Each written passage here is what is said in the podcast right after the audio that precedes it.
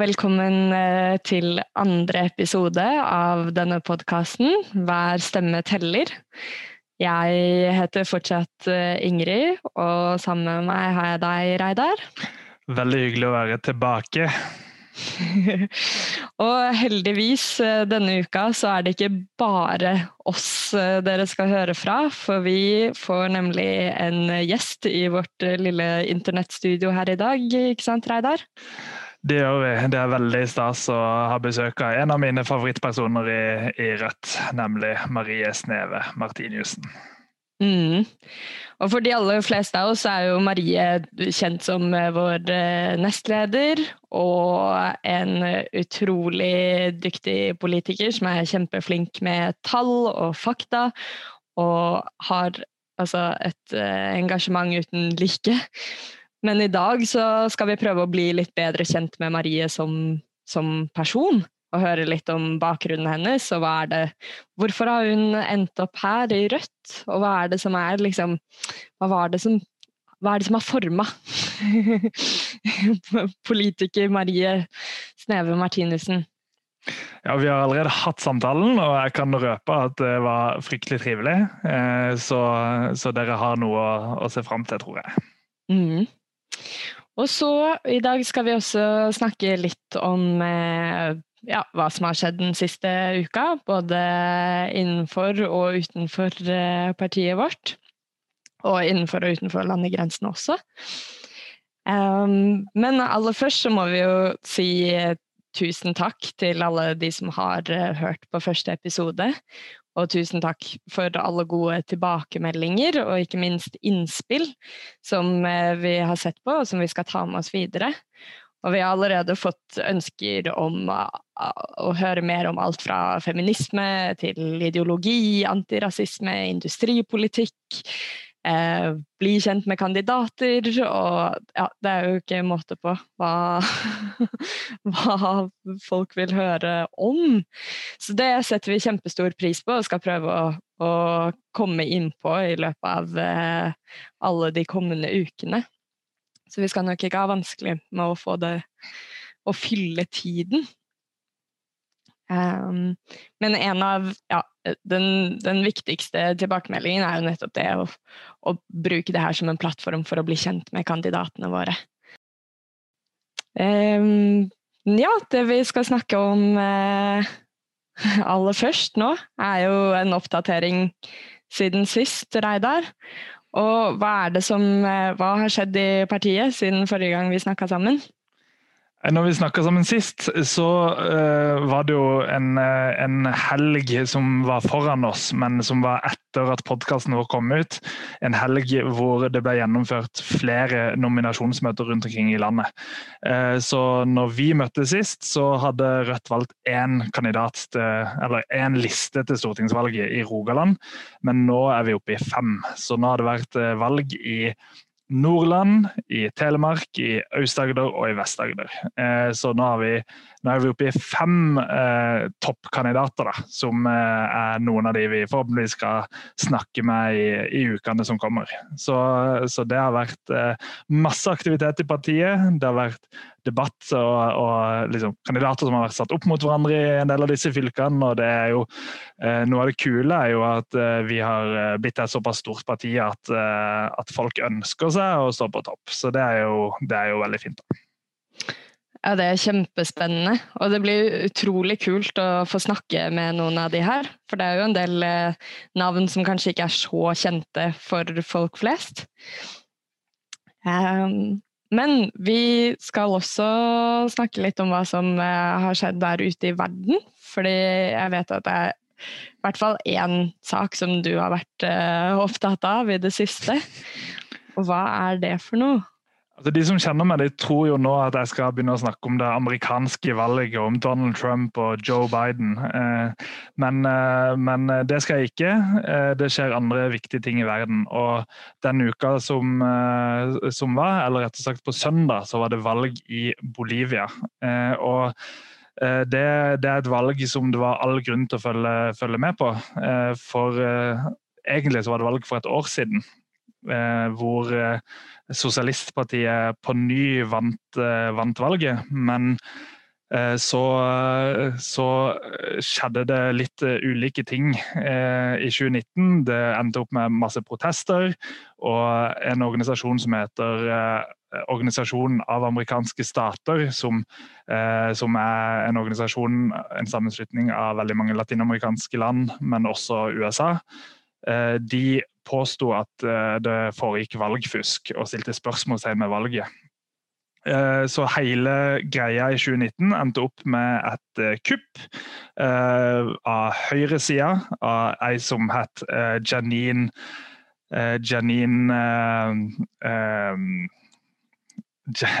Janine Agnes, som, som er en konservativ kristen høyreradikal som når hun ble valgt, så eller no, ikke når hun ble valgt, når hun tok makta, mm. så gikk hun inn i regjeringsbygget med en stor bibel på hodet. Og Noe av poenget med, med denne bibelen det var å symbolisere at, at urfolket nå ikke ha, e, egentlig har noe de skulle ha sagt lenger i, i Bolivia. For uh, for noe av det som var med Sosialistpartiet, og da spesielt Evo Morales som var, var president, det, det, var at han var en eh, urfolkspolitiker som var valgt inn, eh, og som hadde støtte på, på landsbygda, eh, og som mm. ville jobbe mot, mot forskjeller. Og nå klarte liksom høyresida å ta makta vekk fra, fra, urfolket. Så det symboliserte de bl.a. med denne bibelen, da, som er ganske, ganske ekkelt. Ja. Ja. Men nå har, det vært, så nå har det vært gjennomført valg på nytt? Nå har det vært gjennomført valg på nytt, eh, og det kom ikke til av seg, av sjøl. For eh, i flere omganger, litt sånn med unnskyldning eh, som følge av korona, så har man utsatt valget igjen og igjen og igjen. For Janine Agnes, som, som er president, hun det var ikke sånn at hun hadde lyst til å gi fra seg, seg makta igjen. Samtidig så har du sett i Bolivia at de har gjort veldig lite for å, for å løse utfordringene med korona. Så det har vært veldig lite aktiv politikk som har vært gjennomført for, å, mm. for, å, for at folk ikke skal bli smitta. Så det har vært et av de landene som har vært aller hardest ramma. Eh, men eh, i stedet for å gjøre noe med problemene, så har de heller brukt problemene til å unnskylde seg med å utsette og utsette valget. Eh, så det var ikke noe som tyda på at det egentlig skulle være valg nå på søndag. Men La Paz, som er hovedstaden i Bolivia, det er en by som ligger oppe i fjellene. Jeg har vært der og sett på en måte hvordan, strukturen er på byen. Og, mm. og det er egentlig bare mulig å komme seg inn i byen gjennom to veier over fjellet. Og disse veiene valgte demonstranter å stenge ned. Så de stengte ned hele La Paz og sa at hvis ikke regjering, eller hvis ikke parlamentet vedtar en lov om at det er ulovlig å utsette valget, så, eh, så fortsetter vi å stenge ned hele byen. Eh, så, så rett og slett pressa man gjennom at det skulle gjennomføres valg, og det ble gjennomført på, på søndag. Eh, og Eh, på tross av at, eh, at, eh, det har vært høyre, et ekstremt høyrestyre som har styrt i et år og som har kunnet gjort hva de ville, så var altså Sosialistpartiet så populære nå at de har fått en oppslutning som gjør at det ikke blir noen andre valgrunde. For selv om du får 35 og er klart overlegen, mm. så sier reglene i Bolivia at da må man gjennomføre en ny valgrunde. Og Da hadde det vært eh, spennende å se om, om eh, Sosialistpartiet ville gjøre det like bra. Eh, mm. Men nå har de altså vært så store. Jeg tror, jeg tror til og med de, de, ligger på over 50% som gjør at de er så overlegne at, eh, at de vinner hele valget med, på første valgrunde. Så nå er det eh, en, en, ny statsminister eller, eller, president i landet som heter Louise Arce. Eh, som, eh, som, er valgt inn for, eh, for, Sosialistpartiet. Så dette er virkelig pay altså, De har virkelig tatt tilbake landet fra, fra et USA-leder gjennom denne AOS, AOS. Så har de OAS, så har de klart å ta tilbake makta, som, som, er veldig viktig. Det er mye mm. som har gått veldig bra i Bolivia de siste årene. De har hatt økonomisk vekst, og spesielt urfolket har eh, i mindre grad blitt undertrykt enn før, eh, som følge av denne, dette sosialistpartiet. Så det er veldig positivt at, eh, at, eh, de nå har, har, fått flertall igjen, og at demokratiet på mange måter er oppretta. Så blir det spennende å se da i neste omgang om, om de får, får denne makta, eller om, om, de som nå fortsatt styrer, og som var en del av altså Militæret sto jo bak kuppet, sammen med disse høyreekstremistene. Mm. Så om de faktisk lar Sosialistpartiet komme tilbake til makta. Men, men Janine Anje, som, som styrer landet, hun, uh, hun, har vedgått at de har tapt valget og at Sosialistpartiet har vunnet. Så det, det, ser bra ut. Ja, og det hadde jo ikke skjedd hvis ikke det var for, for eh, nettopp en så kraftig folkelig mobilisering som, som du forteller om. Det at man går ut og faktisk krever å få et valg da, ved å stenge ned en hel by. Mm, absolutt hva, det, hva, kan vi på en måte ta lærdom av fra, fra denne historien? Heldigvis er vi i en veldig annen situasjon enn det det er i mange latinamerikanske land, som har et veldig sånn, selvstendig militære, som, som, ofte har en egen agenda osv. Så, videre. så mm. Så vi, vi, slipper mye av det, det de har å stri med i mange latinamerikanske land.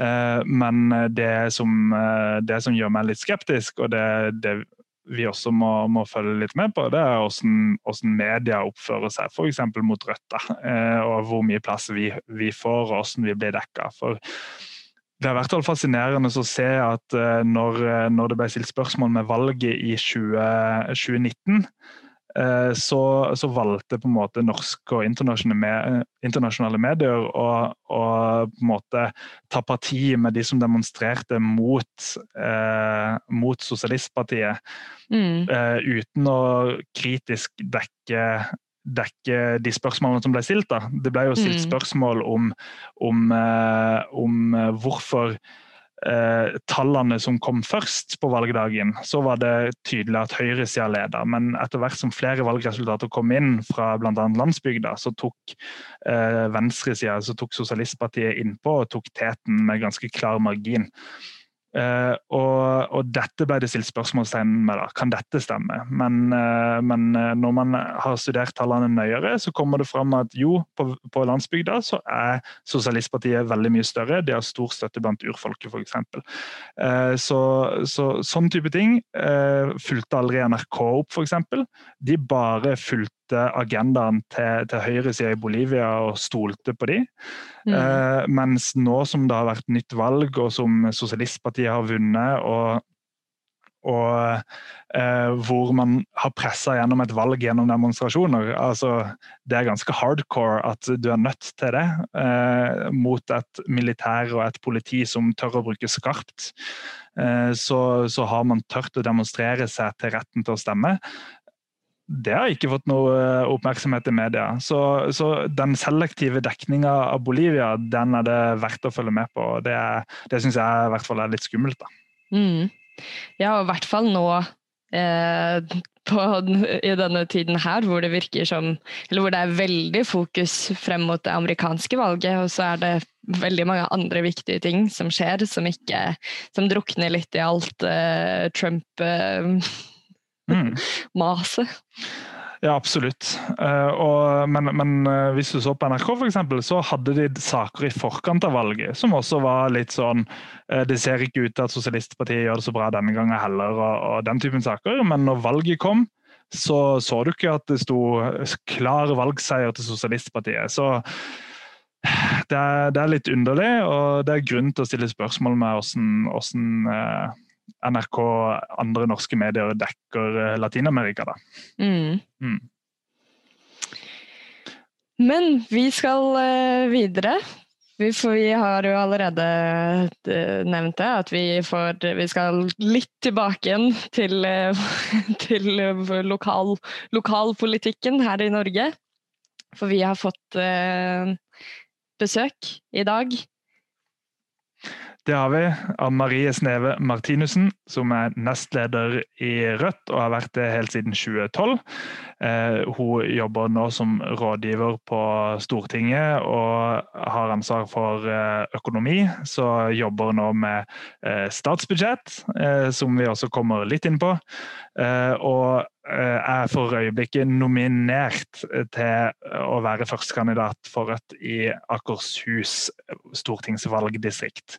Eh, så nominasjonsmøtet det er i november, men hun er altså nominert til, eh, til å være kandidat for Rødt. Så vi går en spennende tid i møte. og det blir veldig trivelig å høre dette intervjuet med supre Marie Sneve.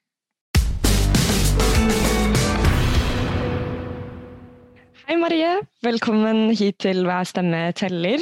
Så fint at du har eh, tatt deg tid til å ta en liten prat med oss. Vi vet jo at du er ganske opptatt for tiden med bl.a. Eh, Rødts alternative statsbudsjett, stemmer ikke det? Jo, det stemmer, men min nye favorittpodkast eh, er så klart aller høyest prioritert. Alltid. Så veldig hyggelig å høre.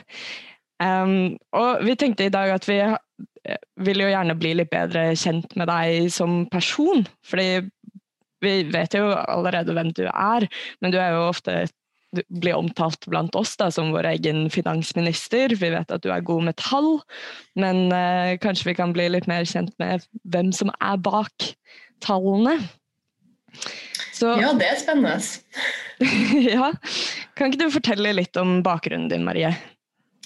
Ja, jeg er 34 år gammel, og så kommer jeg fra Kirkenes, som er helt øst i Finnmark. Eh, det ligger på grensa til Russland, og der er jeg født og oppvokst med en eh, koselig familie og med fin natur i nærheten, eh, nede ved en fjord. Og jeg har bodd der fram til jeg var ferdig på videregående. Og så eh, Etter det så tok politikken med. Jeg var innom Operasjon Dagsverk i et år. Og så var jeg i Natur og Ungdom i tre år og jobba fulltid der. Eh, og når jeg var ferdig i Natur og Ungdom, så skulle jeg liksom velge et parti å engasjere meg i. Og valgte da eh, Rødt egentlig pga. fiskeripolitikk, for det var jeg ekstremt opptatt av akkurat da. Og ble med i Rødt og gjorde for så vidt det i et par år før jeg, eh, litt brått kanskje, ble nestleder i Rødt eh, for åtte år siden. Så selv om jeg er ung, det vil jeg påstå at jeg fortsatt er, så har jeg jo altså vært med veldig lenge. Så jeg er en av de gamle på en måte i Rødt, på tross av min unge alder. Nå kom du inn på veldig mange av de momentene som jeg tenkte vi skulle grave litt, eh, litt mer i. Men du, du, begynte med å si at du, du er fra, fra Kirkenes. og Eh, har det noe, Den oppveksten du har hatt i Kirkenes, har det noen påvirkning på, på måte, ja Du nevnte fiskeripolitikk, men, eh, men hvorfor du havna i, i, et eh, radikalt parti som, som Rødt? Ja, altså, jeg liker jo å tro at man har fri vilje, og at jeg har liksom funnet på alle de smarte tingene i livet mitt sjøl. Men eh, det er ikke sant, fordi at jeg er jo egentlig genetisk belasta eh, med å være radikal politisk. Det har kanskje ikke noe med at jeg er fra Kirkenes å gjøre, men at uh, min bestefar var partisan under krigen. Så jeg vokste opp med å uh, kjenne til hvordan kommunistene under annen verdenskrig gjorde en veldig heltemodig innsats i kampen mot nazismen, men så ble trakassert av den norske stat, og kanskje spesielt Arbeiderpartiet, som i hvert fall lokalt i Kirkenes var en, en viktig brikke i den undertrykkelsen som foregikk mot kommunistene. Og så var foreldrene mine også politisk aktive da i, ja, i, i, i partier på langt til venstre. Så eh, for meg så var det jo litt sånn eh, Man kan kanskje si jernhaska. Eh, jeg liker å tro at jeg på et tidspunkt ble oppegående nok til å liksom tenke gjennom ting og forstå ting, men jeg skjønner jo at jeg ikke har hatt en helt sånn normal vei inn i, inn i samfunnsdebatt og, og, politikk, og eh, at, eh, at, det at man har eh, Klassekampen hjemme og blir, blir gitt politiske både poesi og, og sakprosa i ung alder påvirker, så klart. Og så hadde jeg en såpass fin og hyggelig familie at jeg aldri hadde behov for ungdomsopprør. Og det er jo kanskje bra, hvis ikke så kunne jeg gjort sånn som, sånn som noen ungdommer gjør, at man bare går i helt motsatt retning. Så eh, det er vel den ærlige historien eh, om at det var ikke særlig tilfeldig, føler jeg, at jeg havna her. Jeg havna. Mm. Det virker jo kanskje som at du tok eh, ungdomsopprøret ut mot eh, urettferdigheten i verden, og ikke mot egen, ja, egne foreldre. Jeg tror jeg tok det veldig ut mot en lærer på ungdomsskolen, faktisk. Eh, fortsatt litt dårlig samvittighet mot det, men han, eh, han, var veldig glad i USA. Og i ettertid har jeg skjønt at det, det, kan man jo godt være, på en måte. Men eh, han var masse i USA, og de hadde amerikansk flagg, faktisk, i flaggstanga si hjemme. Eh, og han var glad i naturen, har jeg skjønt i ettertid, men jeg tok det som et eh, voldsomt politisk eh, problem at han var så glad i USA. Så han tok jeg ut mye av mitt ungdomsopprør mot. Mm. Ja, for, for det å... Børge og jeg beklager fortsatt. Kanskje var litt for hard i klippet. Får håpe at Børge hører på nå, da. Ja. ja. altså, han vet at jeg er i rødt nå og syns det er kjempeflott. Og jeg har jo ja, som sagt i ettertid skjønt at man kan være glad i USA, på en måte. landet, nasjonen, naturen, kulturen, uten å være for de amerikanske krigene, f.eks. For det er jo litt mm. spennende mm. også med å vokse opp i Tsjekkia, så er det jo, som du sa, veldig nærme grensa til Russland. Og det er kanskje et av områdene i Norge hvor man på en måte er mest opptatt av å, av å ha et slags vennskapsforhold over, over grensa, og at det ikke skal kanskje være så mye soldater fra USA og sånn i, i området. Så det har kanskje litt, litt å gjøre med, med, den. Ja, det er et, eh, et, en veldig geopolitisk del av Norge. Og eh, når man vokser opp i Kirkenes, så er det ca. 10% russiske innbyggere i kommunen. Eh, Gateskiltene er på russisk, og de fleste skoleklasser så er det noen som snakker russisk. Og man har eh, vennskapsbarnehage og vennskapsskole og er i Russland. Eh, så klart, eh, jeg er født på 80-tallet, så det her var sikkert også Eh, ble mer eh, aktuelt når jeg liksom eh, ja, på 90-tallet da, og etter, etter den kalde krigen formelt over. Men det, man har masse kontakt med Russland, ja, og siden min bestefaren min også hadde, hadde tjenestegjort for Den røde armé under Sovjetunionen, så hadde jeg jo ja, kontakt med Russland. Etter hvert jobba jeg også i Russland, som vi kanskje skal komme tilbake til. Ja, det tenkte jeg kanskje å komme, komme litt til, til nå. For jeg, jeg begynner jo etter hvert å ha kjent deg ganske lenge. For jeg var jo også med det er veldig koselig. Eh, og eh, jeg var jo eh, en av de liksom 14-15-åringene som, som, hang rundt i sånn lokallags naturungdom når du jobba på kontoret i Naturungdom. Jeg husker veldig godt at du var en av de som, når jeg kom inn og var litt sånn liten og syntes at ting var litt skummelt, så var du en av de som jeg føl, fikk litt sånn storesøsterforhold til, som, som, jeg følte at liksom passa litt på meg i sånn naturungdomssammenheng. sånn. Så det er veldig hyggelig at vi har fulgt hverandre inn i inn i partipolitikken også.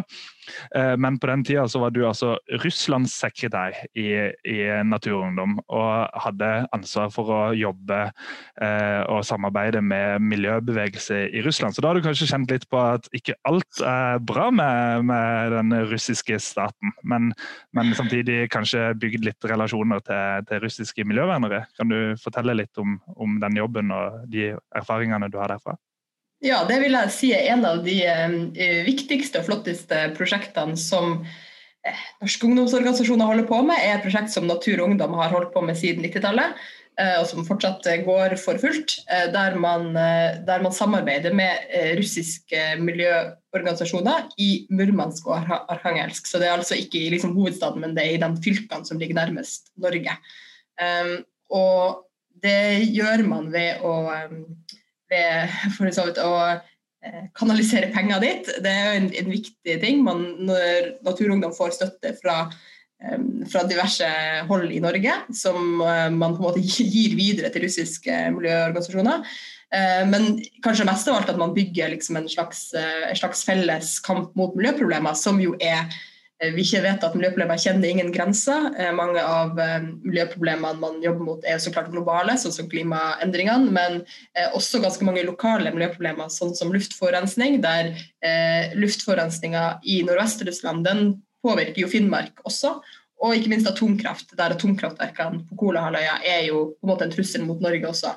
Eh, så der kan på en måte norsk og russisk eh, ungdom på hver sin side av grensa jobbe sammen eh, mot de samme miljøproblemene. Og når jeg hadde den jobben, så var jeg på en måte den, den, den ene ansatte da, som liksom hadde ansvar for dette prosjektet, og som betydde at jeg, at jeg var i Murmansk og Arkangelsk og Tromsø og i Finnmark.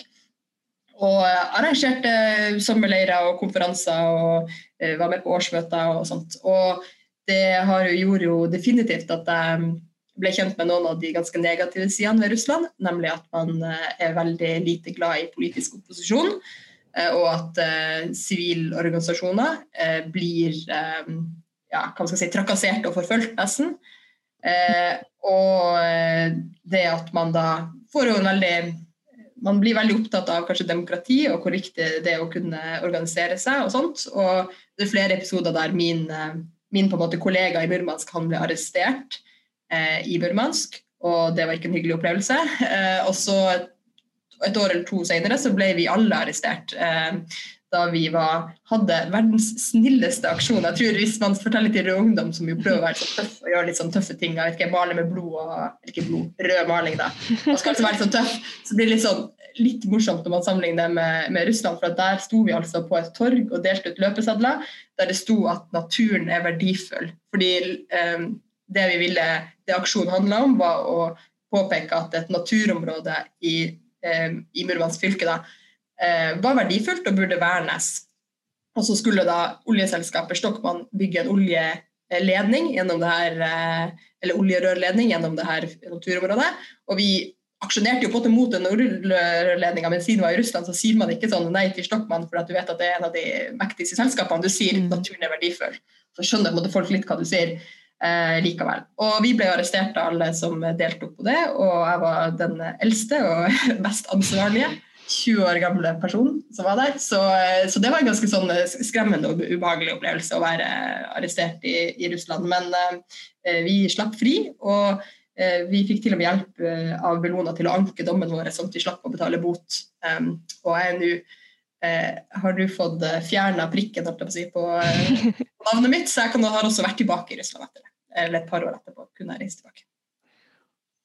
Wow, blitt arrestert i Russland. Det er eh, ja, det er ikke alle som kan, eh, kan smykke seg med det.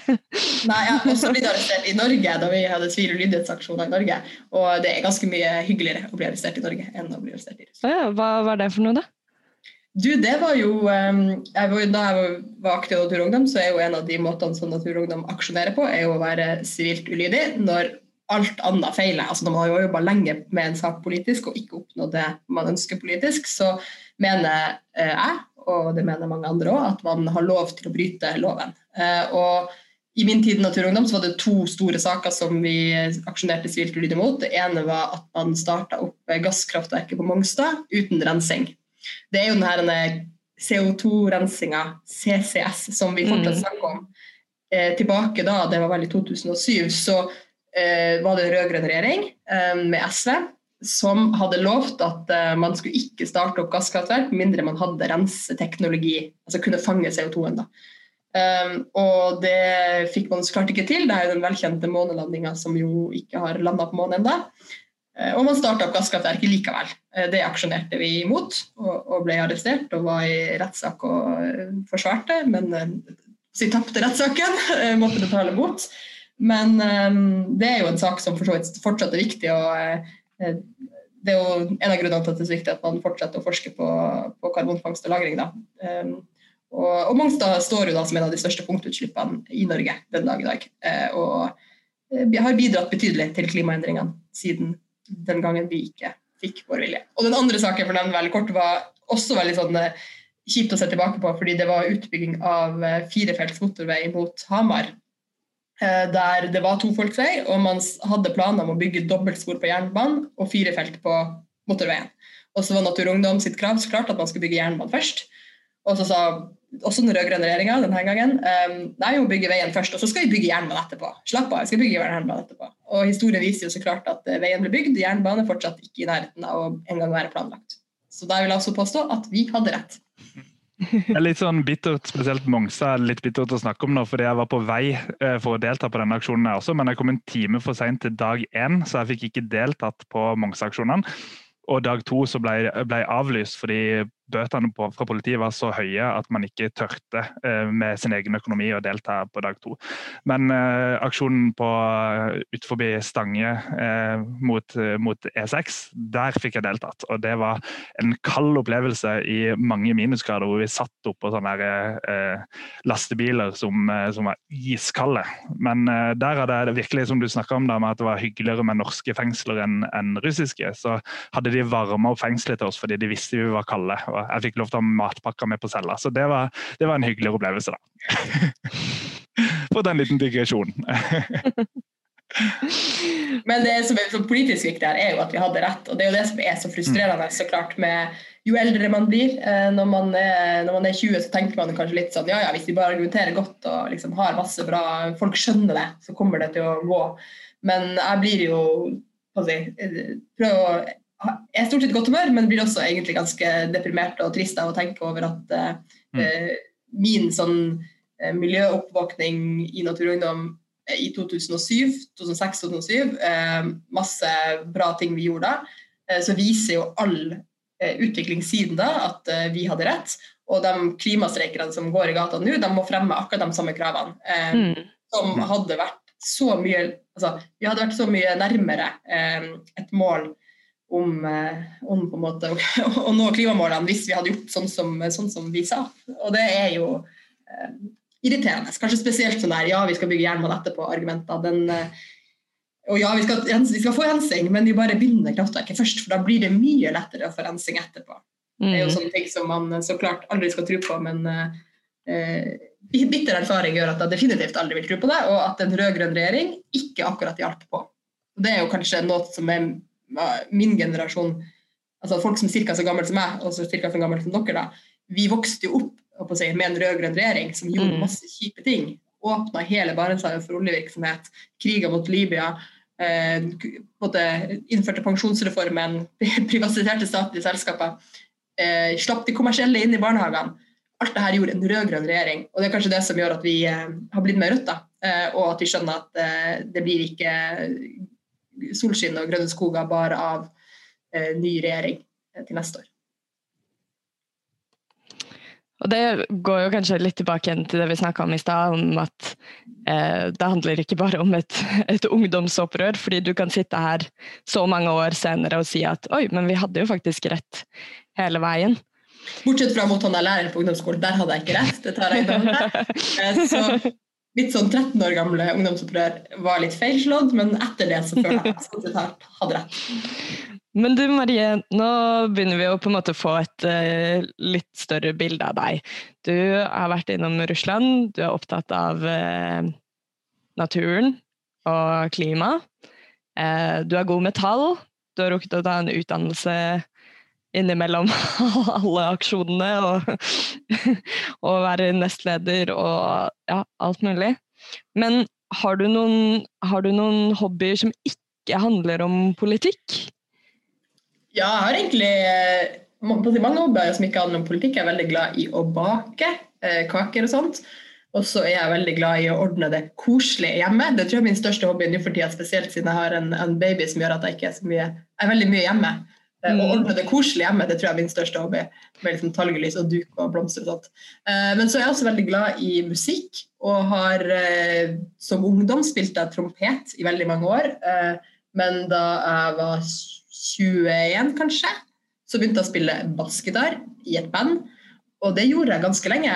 Det var egentlig litt sånn, gjorde det så lenge som jeg kunne kombinere det med politikken. Og så etter hvert så har Rødt faktisk vokst så mye at uh, hvis jeg skulle fortsette å ta det ansvaret jeg hadde som nestleder, så kunne jeg ikke drive og dra på turné i tid og utide. Så da vant uh, politikken over musikken. Men, og, men basketaren står fortsatt i stua og blir, blir spilt på når det trengs. Men nå er det kanskje mest å lytte til musikk som er min hobby. Ja, for Du har jo faktisk eh, vært på turné både i Norge og ut forbi, ut forbi Norge i løpet av karrieren din eh, som musikkartist. Så eh, du, Bandet het først eh, My Little Pony, og så skifta det navn til Making Marks etter hvert, ikke sant? Eh, det stemmer. Ja, uh, og, og, var litt sånn indie-pop-band. Indie så jeg vil jo anbefale Denne musikken finnes jo fortsatt, så jeg vil jo anbefale å, å, å, søke den opp. For uh, jeg likte den, likte den, og liker den fortsatt veldig, veldig godt. Så, så, det vil jeg anbefale. Men, men savner du å være, være musiker? Mm, jeg tenker jo av og til på det, spesielt når jeg hører på, en måte, på vår egen musikk som jeg har vært med å spille inn på plate. Eh, så tenker jeg sånn eh, at det var jo, nå, var jo veldig hyggelig eh, å spille konsert. Det savner jeg på en måte veldig, for det er jo um, altså, åpenbart kjempeskummelt, og sånt også, men det er jo kjempe sånn eh, rush å stå og spille liksom, musikk sammen med andre folk. Og så ser du folk som ser på og kanskje danser og synger med eller koser seg. Så det er jo kjempe, kjempestas. Det savner jeg ganske mye. Uh, og så savner jeg litt sånn der å være på turné, men det føler jeg at jeg både savner og ikke savner. fordi at når man er på turné, så er det litt sånn Når man er på turné som et lite indieband med, med ikke mange penger, så kjører man bil uh, eller tog, men mest bil egentlig, uh, hele dagen. Og så kommer man fram, og så sjek, rigger man. Man løfter og bærer og kobler opp liksom, og sjekker lyd og sånt. Og så spiser man mat, og så drikker man øl, og så spiller man musikk, og så drikker man øl, og så går man og legger seg. Og det er liksom sånn, Når man holder på med det i sånn tre-fire uker, så blir man litt sånn eh, dass inni seg. Jeg husker det var en turné der jeg faktisk spiste smelta ost til hvert eneste måltid gjennom hele dagen. Og det er liksom litt sånn Det er så mye dødtid, på en måte. Og jeg prøvde jo å gjøre ting da mens jeg studerte, så jeg liksom leste og, og sånt. da, Men, uh, men ja. Det er, det er sånn som er ganske morsomt helt til du holder på med det litt for mange uker på rad. Men fikk jo se og besøke mange, veldig mange fine plasser i både Europa, mye i Sør-Europa, og også i USA og i Canada. Mm. Men du, eh, tror du, føler du at man på en måte kan sammenligne det å drive valgkamp og det å være på turné? For det også er jo noe som er veldig gøy når man holder på, men man vil kanskje ikke gjøre det i altfor mange uker i strekk? Man kan definitivt sammenligne det. Det er jo noe av de samme elementene syns jeg. Altså sånn du, du må du, du høres ut som du er veldig opptatt av mat, men det er liksom det her med å måtte spise sånn litt raskt og, eh, mm. og, kanskje sånn som er digg, f.eks. smelta ost og sånt. Det er digg, men hvis du holder på med litt for lenge, så er det ikke digg. Så det er liksom sånn, det føler jeg er litt valgkamp og turné litt likt. Eh, og for min del så får jeg jo av og til lov til å snakke foran folk. Altså enten mm. alene holde en appell liksom, og sånt, eller i en debatt. Det er litt som å spille konsert. Eller for meg er det i hvert fall litt som å spille konsert. Uh, så det syns jeg er veldig stas. Og så er jo um, kanskje det viktigste jo samholdet det. fordi at det er jo veldig flott med band. Vi var et veldig koselig, fint venn med liksom, uh, tre, tre, gutter og to jenter som, som var gode venner. og, og hadde det veldig hyggelig i lag og, og, prøvde å dra og bade hvis vi fikk tid til det. Og alt sånt da. Og det å drive valgkamp er jo også litt sånn. Man, man får seg jo valgkampvenner som man uh, sånn enten i lokallaget eller kanskje dem som tilfeldigvis har stått på stand et par ganger. Eller sånt, da. Og så blir man litt venner. og Det syns jeg er kanskje det aller viktigste å huske på i, eh, i politisk arbeid. At uh, politiske bevegelser er jo egentlig relasjoner mellom mennesker.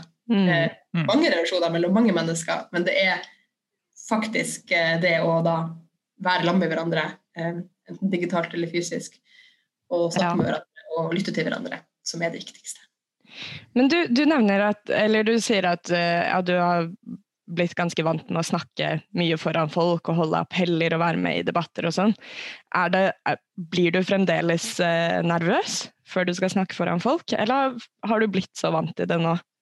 Jeg blir veldig nervøs når jeg skal eh, sånn, på radio eller TV. Det blir jeg veldig nervøs for. Og det, har, det er liksom eh, litt mindre nervøs nå enn kanskje for to år siden, men fortsatt veldig nervøs. Sånn type Dagsnytt 18 eller eller jeg har vært på TV veldig, veldig få ganger. De få ganger jeg har vært på TV, blir nervøs. Uh, så det håper jeg at kommer til å sakte, men sikkert gå over hvis jeg gjør det mer. Men, uh, men det blir jeg veldig nervøs for. Altså. Uh, men det er jo noe ganske annerledes, syns jeg, enn å stå foran folk. Der det liksom ja. er folk du snakker til, og ikke et kamera eller en journalist eller liksom en motdebattant. Så det, det, jeg syns det er veldig mye morsommere å stå og, og, snakke for folk enn det å snakke i media, på en måte. Men som det eneste jeg har lært meg om det med å være nervøs, er jo at jo mer man gjør, jo uh, mindre nervøs blir man. Og uh, det gjelder alle ting. Jeg er ganske nervøs for å ringe, f.eks. Mm. Jeg vet at noen er kjempegode på det. Jeg, synes, jeg blir sånn litt nervøs hver gang jeg skal ringe. Med mindre det er til mora mi, liksom. Og det er jo sånn um, viktig å huske på at alt man blir litt nervøs for, så blir man litt mindre for hver gang man gjør det. Absolutt. Det gjelder virkelig å bare hoppe inn i det. og Det, det tror jeg er viktig for mange nå som valgkampen kommer. Så skal man gjøre en del oppgaver man ikke har gjort før. Så det å bare hoppe inn i det, bli litt varm i trøya, og så kommer det til å bli veldig kjekt hvis man bare får, får testa, det, det, litt ut.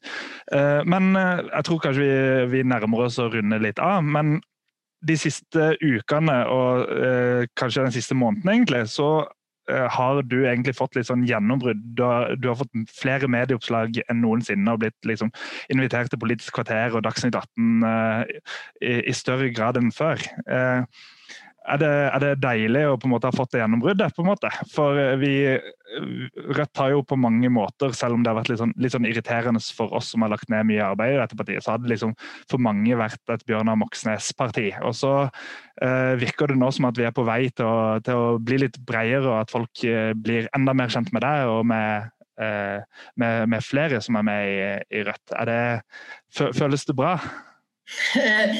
Kanskje føltes mest stress, hvis jeg skal være ærlig. Jeg tror noen folk syns det er sånn skikkelig morsomt å være sånn der på radio. og sånt. Jeg syns det er ganske stress. Jeg blir nervøs. Jeg tør ikke å høre på det etterpå. Så det er egentlig sånn Personlig så er det jo mest stress, egentlig, men eh, politisk strategisk veldig viktig. Og det er jo derfor jeg så klart prøver å gjøre det, selv om jeg syns det er stress personlig. Eh, fordi vi er jo Jeg ble jo nestleder i Rødt samtidig som Bjørnar ble leder i 2012. Og da hadde Rødt veldig liten synlighet, veldig vanskelig å komme gjennom. Så det var viktig å prioritere han Bjørnar, rett og slett. Eh, få én veldig tydelig person som kunne være en talsperson for Rødt. Og det gjorde vi alle sammen, og, og bidro til det. Og liksom, hver gang jeg skrev noe, så kan det være at eh, Ikke hver gang, men ofte så ville det liksom være Bjørnar sitt navn og sånt. Og det var veldig lurt. Og der vi står nå, viser jo at det har vært en bra prioritering, fordi at Bjørnar kommet på Stortinget har gitt oss masse mye mer oppmerksomhet.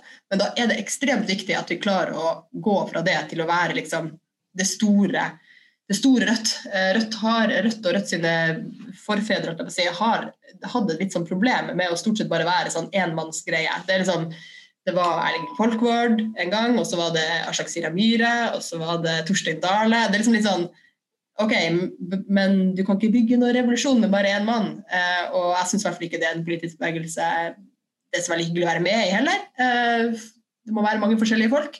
Og da håper og tror jeg at det at um, folk kan se at jeg er med, og så kan folk se at Seher er med, og så kan folk se at Sofie i Bergen er med, og så Maren Kurdal altså Det er litt sånn Nevner bare dem jeg kommer på, men uh, det er jo fantastisk mange forskjellige folk i Rødt.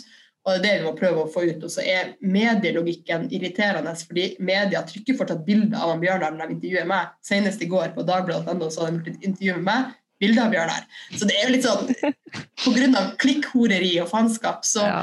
er det sånn det er. Men der eh, er det liksom det vi kan gjøre, er å skritt for skritt eh, prøve å utvide oss. Og derfor så er jeg så klart veldig fornøyd med at det har vært litt mer Marie liksom, i monitor de siste ukene, og håper jo at vi klarer å dra det med oss til å da være stadig flere. Og jeg tror jo at valgkampen for oss nå blir det gjennombruddet da vi får til det. Fordi vi kommer til å ha førstekandidater eh, fra hele landet som kommer til å bli, bli Rødt for mm. Mm. Ja, nå er du jo allerede innpå det, Marie. Men vi går jo sakte, men sikkert frem mot et valg hvor, altså, hvor Rødt skal ha et stort gjennombrudd. Og hva tenker du er på en måte, Hvis du skulle velge ut én ting som du tenker er veldig, veldig viktig å ha fokus på frem mot valget? Det er veldig én ting, det er veldig vanskelig. og nå tror jeg skal avslutte, Men jeg tror kanskje jeg vil si klassekamp. Mm. Eh, det har jeg eh, stadig oftere konkludert med at er eh, det viktigste Rødt holder på med. Vi kaller det ofte kamp mot Forskjells-Norge. Det er det som kanskje er liksom lettere bilde for folk å se. Eh, men alt vi jobber med, syns jeg handler om klassekamp. Altså handler om å stå på side ved arbeidsfolk når, de, eh, når, de, kjemper mot eh, arbeidsgivere og kapitaleiere som ikke vil gi dem altså, ikke vil at de skal beholde det de har krav på, og, og i hvert fall ikke gi dem mer enn det. Men det er også det når, når folk som er arbeidsledige, uføretrygda, går på AAP, sosialstønad, når de blir behandla dårlig og får kutta i sine ytelser, mens milliardærene får skatteletter, så er det klassekamp høyresida holder på med. De eh, driver en klassekamp for eliten, mens Rødt må drive en klassekamp for eh, arbeidsfolket og framtida. For det er også i vår alles interesse at vi har en, eh, en klode og et miljø å leve på i framtida. Der ser vi stadig historier om milliardærer som rett og slett bare kjøper seg en festning på toppen av et fjell, eller noe sånt, fordi der skal være når klimaendringene ødelegger kystene. Eller de har bestilt seg sånn privathelikopter som kommer og redder dem hvis det blir flom, sånn som i USA. Det har vært mange sånne eh, eksempler. De kommer sånn at de klarer å slippe unna, men for det store flertallet så er det i, klasse, i klassens interesser at vi klarer å ha en klode å leve på. Så klassekamp for framtida, det blir min hovedsak. Nei da, det er jo eh, som sagt mange måter å snakke om det på. Helt klar over at alle ikke har hatt den samme hjernevaska oppveksten som meg. Så det, det, gjør vi jo så klart, men det handler om klassekamp. Ingen bør være, bør, ingen bør være usikker på det. Og så eh, fremmer vi så klart konkrete saker, og kanskje spesielt nå knytta til arbeidsledighet, siden så mange er arbeidsledige. Det tar vi med oss videre. Ok, Marie, nå skal du få lov til å løpe videre til uh, dine, dine, mange andre tusen arbeidsoppgaver. Men uh, tusen takk for at du tok deg tid til å prate med oss.